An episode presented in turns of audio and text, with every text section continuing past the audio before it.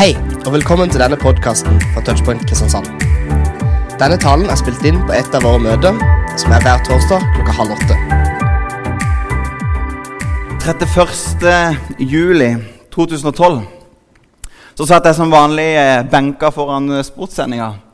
Og så sammen med millioner andre over hele verden, kanskje sammen med noen av dere òg, på OL for London, hvor eh, Michael Phelps og resten av det amerikanske laget de fossa inn. Og Michael Phelps tok sitt fjerde, fjerde, fjerde OL-gull i ett og samme OL. Fire OL-gull, to sølvmedaljer i OL i London. Og til sammen har da Michael Phelps vunnet 19 olympiske medaljer og er tidenes mestvinnende olympier uansett idrettsgren. Han fosser inn, har et fantastisk OL. Og konkurransesvømming det har vært Michael Phelps sitt liv, for han var bitte, bitte liten. Og da han etter dette OL legger opp, så tar plutselig livet en helt annen vending. Han hadde oppnådd alt han drømte om. Sportslig sett. Han ble styrtrik samtidig. Populær, suksessfull, fått kjendisstatus over hele verden. Men livet etter OL det ble en kjempenedtur for Michael Phelps. Han fant ikke ut hvordan han skulle leve når han ikke kunne leve for svømminga lenger. Og livet hadde en sånn nedadgående spiral med skandale på skandale. Og så når han et bunnpunkt når han blir tatt for fyllekjøring og avbilda i media mens han røyker marihuana. Og så tenker alle hvordan skal det gå med Michael Phelps? For dette går bare nedover. Og Til tross for alle skandalene, til tross for å være helt på villspor, så gjør Michael Phelps i 2016 comeback før OL i Rio. Han kommer tilbake sterkere enn noen gang. Michael Phelps slår sin egen rekord og vinner uvirkelige fem gullmedaljer. Én sølvmedalje, bedre enn sist. Han bare øker rekorden for flest OL-medaljer noensinne. Michael Phelps sin historie det er en suksesshistorie. Det er et comeback. Og Jeg sa i stad at mitt navn er Marius Hodne, og jeg jobber som studentpastor her. Og Vi starter nå en taleserie som heter Comebacks. Og Vi ønsker å prate om dette fordi høsten er en tid for comeback. Er det ikke det? Det er jo sånn at Når du starter på et nytt studie, kommer til en ny by, kanskje du er helt ny i byen, aldri har vært på Touchon før, eller om du har vært i Kristiansand en stund, så er det liksom alltid en ny start når en ny høst kommer. Det er tid for comeback. Og om det ikke var sant liksom vanligvis, så er det i hvert fall sant nå. Nå har vi vært liksom eh, pandemipausa i over eh, halvannet år. Og vi har ikke fått gjennomført touchpoint sånn som vi pleier. Og kjenner vi, vi trenger et comeback. Jeg vet ikke hvordan du kjenner på det, om du er klar for et comeback, men jeg tror samfunnet begynner å bli ganske klar for et comeback. Og jeg hadde lyst til å si Hjertelig velkommen skal du være til Touchpoint. Om det er for første gang, om du har vært her mange ganger før. Jeg håper du har fått et smil på vei inn, en kaffekopp i hånda, og kjenner at her er det godt å være, for vi gjør oss klar for comeback. Eh, I denne serien så har vi lyst til å prøve å si noe om den tida som vi lever i nå. For vi lever nesten i et vakuum. Jeg vet ikke om du har lagt merke til det. Men vi trinn for trinn gjenåpner litt. Og Erna og gjengen kommer med en gjenåpningsplan, og så trinn for trinn beveger det seg framover. Og så er det utrolig deilig å se så mange mennesker på touchpoint. Det er fantastisk. Jeg blir litt sånn smågira av det. Jeg beklager det. Men det er veldig veldig hyggelig å se dere. Og så er vi liksom ikke helt over og i mål ennå. Og så lever vi litt mellom der. Og så hadde vi lyst til å snakke om hva gjør vi med dette vakuumet? Hva gjør vi når vi egentlig er tilbake, men ikke helt tilbake? Vi har hatt liksom en nasjonal dugnad gående over lang tid. Vi eh, holder avstand, vi begrenser kontakter osv. Og, og så skal vi nå liksom komme i gang igjen. Og så er det fantastisk å se så masse folk. Og så er det kanskje noen som blir litt stressa. Er det trygt? Er det, jeg vet ikke om jeg orker å treffe så mange folk. Men derfor har jeg lyst til å gi et litt sånn ekstra push. Velkommen skal du være. Det er så fint å se dere. Det er så bra at dere tar turen her. For jeg tror at vi trenger å komme i gang. Vi trenger et comeback. Og Jeg håper at du kjenner at her var det godt å lande. Her kan jeg få lov til å være. Og vi skal gjøre så godt vi kan. For du kjenner at her blir jeg inkludert. Eh, jeg skal egentlig snakke om tre comebacks i dag. Tre ulike comebacks. Men jeg har lyst til å be en bønn først. Skal vi gjøre det? La oss be. Herre Jesus, jeg takker deg for at når vi samles til touchpoint, så er det der vi samles om. Takk for at du er her, og det er der vi ønsker å høre fra Jesus. Det er der vi ønsker å takke med vår sang. Jeg har lyst til å takke deg for at du er her, og takk for at du samler oss. Takk for ditt ord. Jesus, jeg ber om at du må få lov til å tale til oss. Takk for at ditt ord skaper, og jeg har lyst til å be om at det skal få skape noe nytt i våre liv. Der vi sitter her, må ordene bringe liv til våre liv og hjelpe oss å sette rett kurs. I Jesu navn. Amen. Tre comebacks som jeg har lyst til å ta dere med på. Og Det første er ganske enkelt, for jeg har lyst til å snakke om Touchpoint sitt comeback. Vi har jo egentlig ikke vært ferdig. Vi har egentlig ikke tenkt at vi ikke skal holde på, men vi har blitt stengt ned en god stund nå. Og I fjor, fjor vår så fikk vi ha fire møter av de planlagte. Jeg vet ikke hvor mange vi planla. Men min lille begeistring om en velkomst i stad gjelder fortsatt. For jeg har lyst til å kjenne at her skal du kjenne deg velkommen. Her skal du kjenne at nå er det godt å være i gang. Og vi ser faktisk utrolig lyst på en høst hvor jeg tror vi får lov til å gjennomføre alt vi har tenkt. Kan du tenke noe så deilig? Og Det betyr at faktisk så er det hver torsdag framover så er det touchpoint. Og vi, ja, Gjerne klapp for det. Det er veldig fint. det. Hver torsdag framover er det touchpoint. Og jeg hadde egentlig lyst til å utfordre deg og invitere deg til å starte helga tidlig nå framover. Hver torsdag og komme på touchpoint. Og så ta en del av fellesskapet. Vi ønsker at det skal være et positivt, byggende, trygt, inkluderende fellesskap. Min invitasjon etter det bli med. Det er veldig enkelt. Bli med, for vi er i gang igjen, og vi har lyst til at du skal være med. Vi starter hver torsdag. vi. 1930. Vi kjører på. Og du har masse å glede deg til framover. Det blir kjempemasse spennende. Og for I september så får vi besøk av eh, Farmen Thor. Det blir veldig gøy. så det blir eh, kult, Og så skjer det masse spennende utover høsten. Hvis du ikke vet hva touchpoint er, og kanskje jeg her for første gang så tenkte jeg skulle gi deg bitte grann informasjon. For i tillegg til å ha møter, så har jeg lyst til å invitere deg til to ting til som du kan få lov til å bli med på. Vi har noe som heter Connect. Og Det er egentlig mindre fellesskap hvor du kan få lov til å være sammen med et mindre fellesskap, en smågruppe, en trygg gjeng. Hvor dere spiser sammen, ber sammen, kanskje leser Bibelen sammen. Deler tro og liv sammen. Og det er mange som har glede av det, og Hvis du har lyst til det, så kan du bare søke deg inn på touchpoint.no, så kan du få lov til å registrere deg der, og så tar vi kontakt med deg. Og Det samme gjelder det andre her, når det står tjeneste. Vi er sykt mange som er med og gjør touchpoint mulig. Og Jeg reklamerer ikke for tjeneste fordi at vi trenger flere som gjør touchpoint mulig. Du er hjertelig velkommen å være med og bidra. Men jeg sier det for din del. Hvis du ønsker å denne høsten ha en plass å være, hvis du ønsker et fellesskap å delta hvis du ønsker å kjenne et touchpoint det er en plass hvor jeg kan få lov til å kjenne meg hjemme, så er tjeneste den beste veien til det. For med en gang du blir med og bidrar, så er det et unikt fellesskap. Og så er det sånn at Touchpoint blir ikke lenger de på touchpoint, men det blir vi på touchpoint. Du er en del av det. Touchpoint er tilbake. Vi har comeback. Og jeg har lyst til å ha deg med på det. Og så har jeg ikke bare lyst til å snakke om Touchpoint sitt comeback, men jeg har lyst til å snakke om ditt comeback. For gjennom pandemien nå så er det gjort en rekke undersøkelser på hvordan folk har det. En undersøkelse med over 30 000 studenter som la ut om hvordan de hadde det. Der kom det fram at fire av fem de uttrykker at de savner et fellesskap. De har ikke et fellesskap. Halvparten av de som svarer, sier at de er ensomme nå, mer ensomme nå enn før. Og I annen undersøkelse blir det skrevet hvordan koronapandemien påvirker i en negativ retning. Og så aner jeg ikke hvordan du har det når du kommer til Touchpoint i kveld. Kanskje er livet på topp, du har kommet til en ny by, du er klar for en ny høst, du er klar for comeback. Eller så er det kanskje sånn at du holder selskap med disse studiene i hvordan du føler det i ditt indre.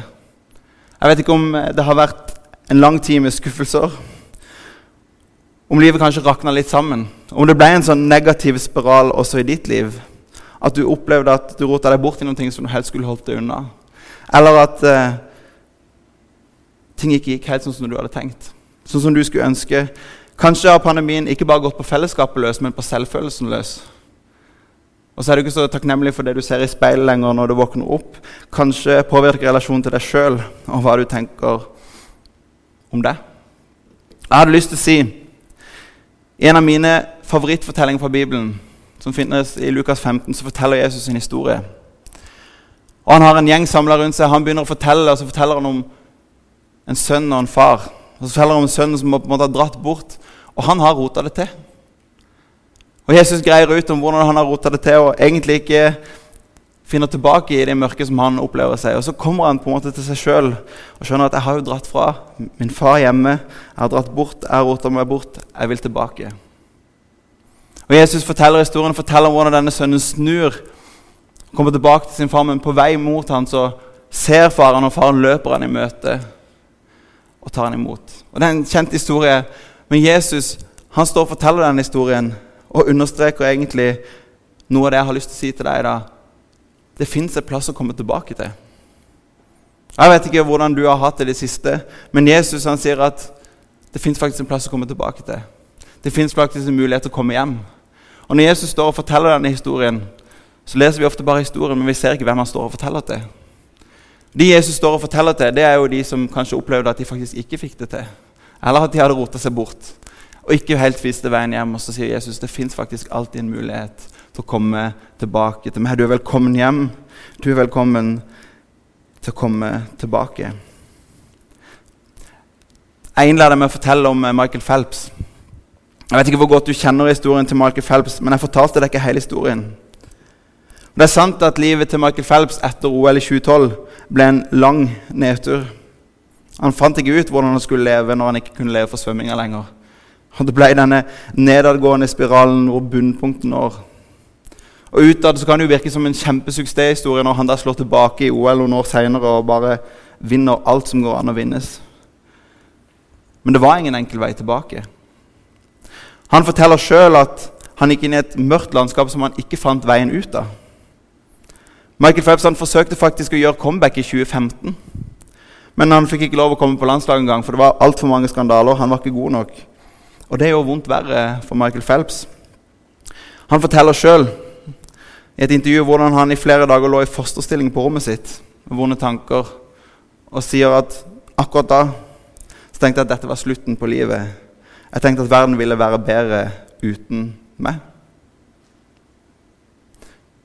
Spiralen som Michael Phelps var inne i, var destruktiv. Veldig destruktiv. Heldigvis hadde han en god venn, en tidligere NFL-spiller som het Ray Lewis, som til slutt liksom nådde inn til Michael Phelps og fikk hjelp. Han fikk overtalt han til å legge seg inn på et behandlingssted. Og I tillegg til å gjøre det så ga han en bok som heter 'Målretta livet', av en pastor som heter Rick Warren. Og Phelps han begynte å lese i boka som handler om Guds tanker og planer for det enkelte mennesket. Og Boka sitt aller første kapittel har en overskrift som er sånn 'Alt begynner med Gud'.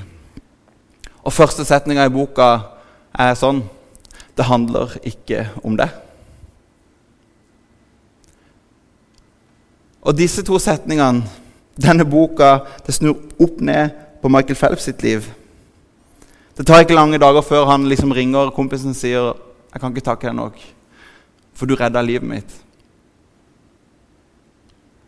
Og dette gjør at Michael Phelps endelig fikk fylt det tomrommet som han opplevde på sitt innside.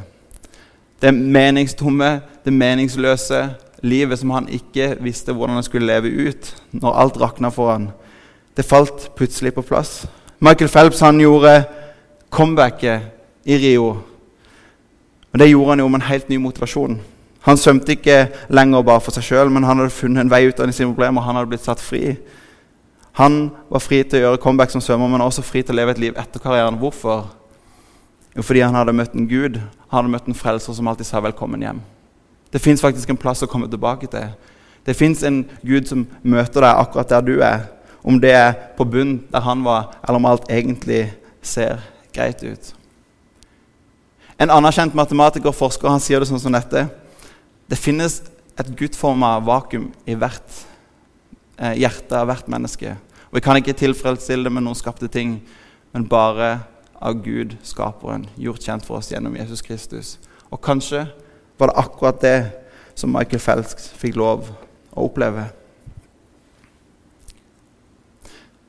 I Johannes' åpenbaring 3.20 så siteres Jesus på et vers, og det står 'Se, jeg står for døra og banker'. Om noen hører min røst og åpner døren, så vil jeg inn til ham og holde måltid. Jeg med ham og ham med meg. Jesus insisterer på at han står alltid der ved døra og banker. På min hjertedør, om du vil, på din hjertedør. Og du kan egentlig ikke gjøre noe fra eller til på den bankinga, for Jesus han står der og banker. Om du kjenner at eh, jeg har en nedadgående spiral som Michael Phelps, om du kjenner at livet det sklei litt under meg de siste halvannet året, om du roter deg borti noen ting som du helst skulle holdt deg unna, så står fortsatt Jesus der og banker.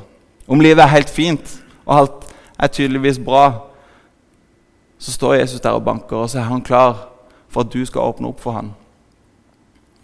Han er klar for å fylle dette tomrommet som Michael Phelps tydeligvis trengte, og som jeg vet at mange andre lengter etter. Se, jeg står for døra og banker. Og det er en invitasjon der. Og så er det egentlig så enkelt å si ja, Jesus, og åpne opp.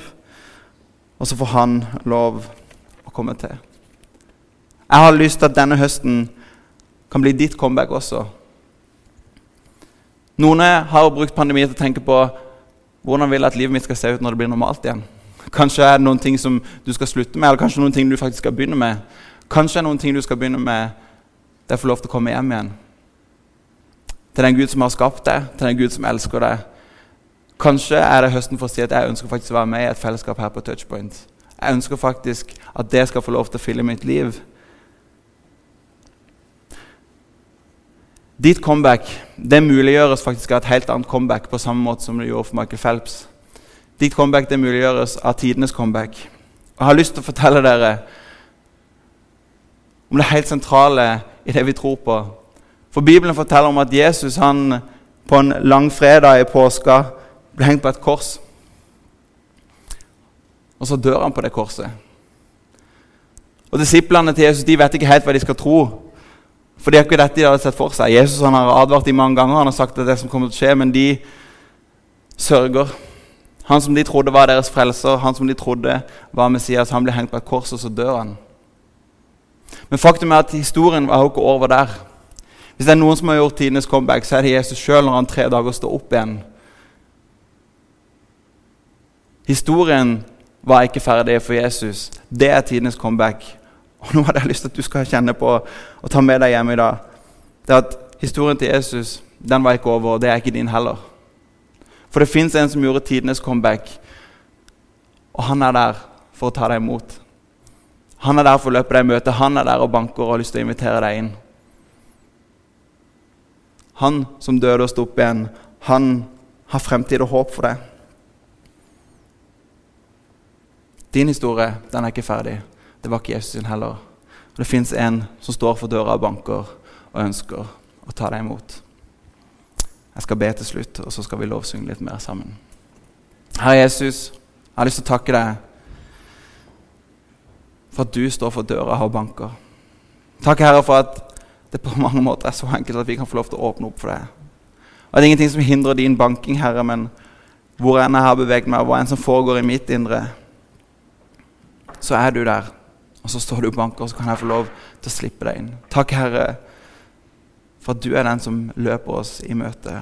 Takk for den det en mulighet til å vende hjem og komme til deg. Takker deg, Herre, for vi får lov til å samles. Og takker deg for at du er her. Det er det vi samles om, og det er det vi ønsker å tilbe. I Jesu navn. Amen.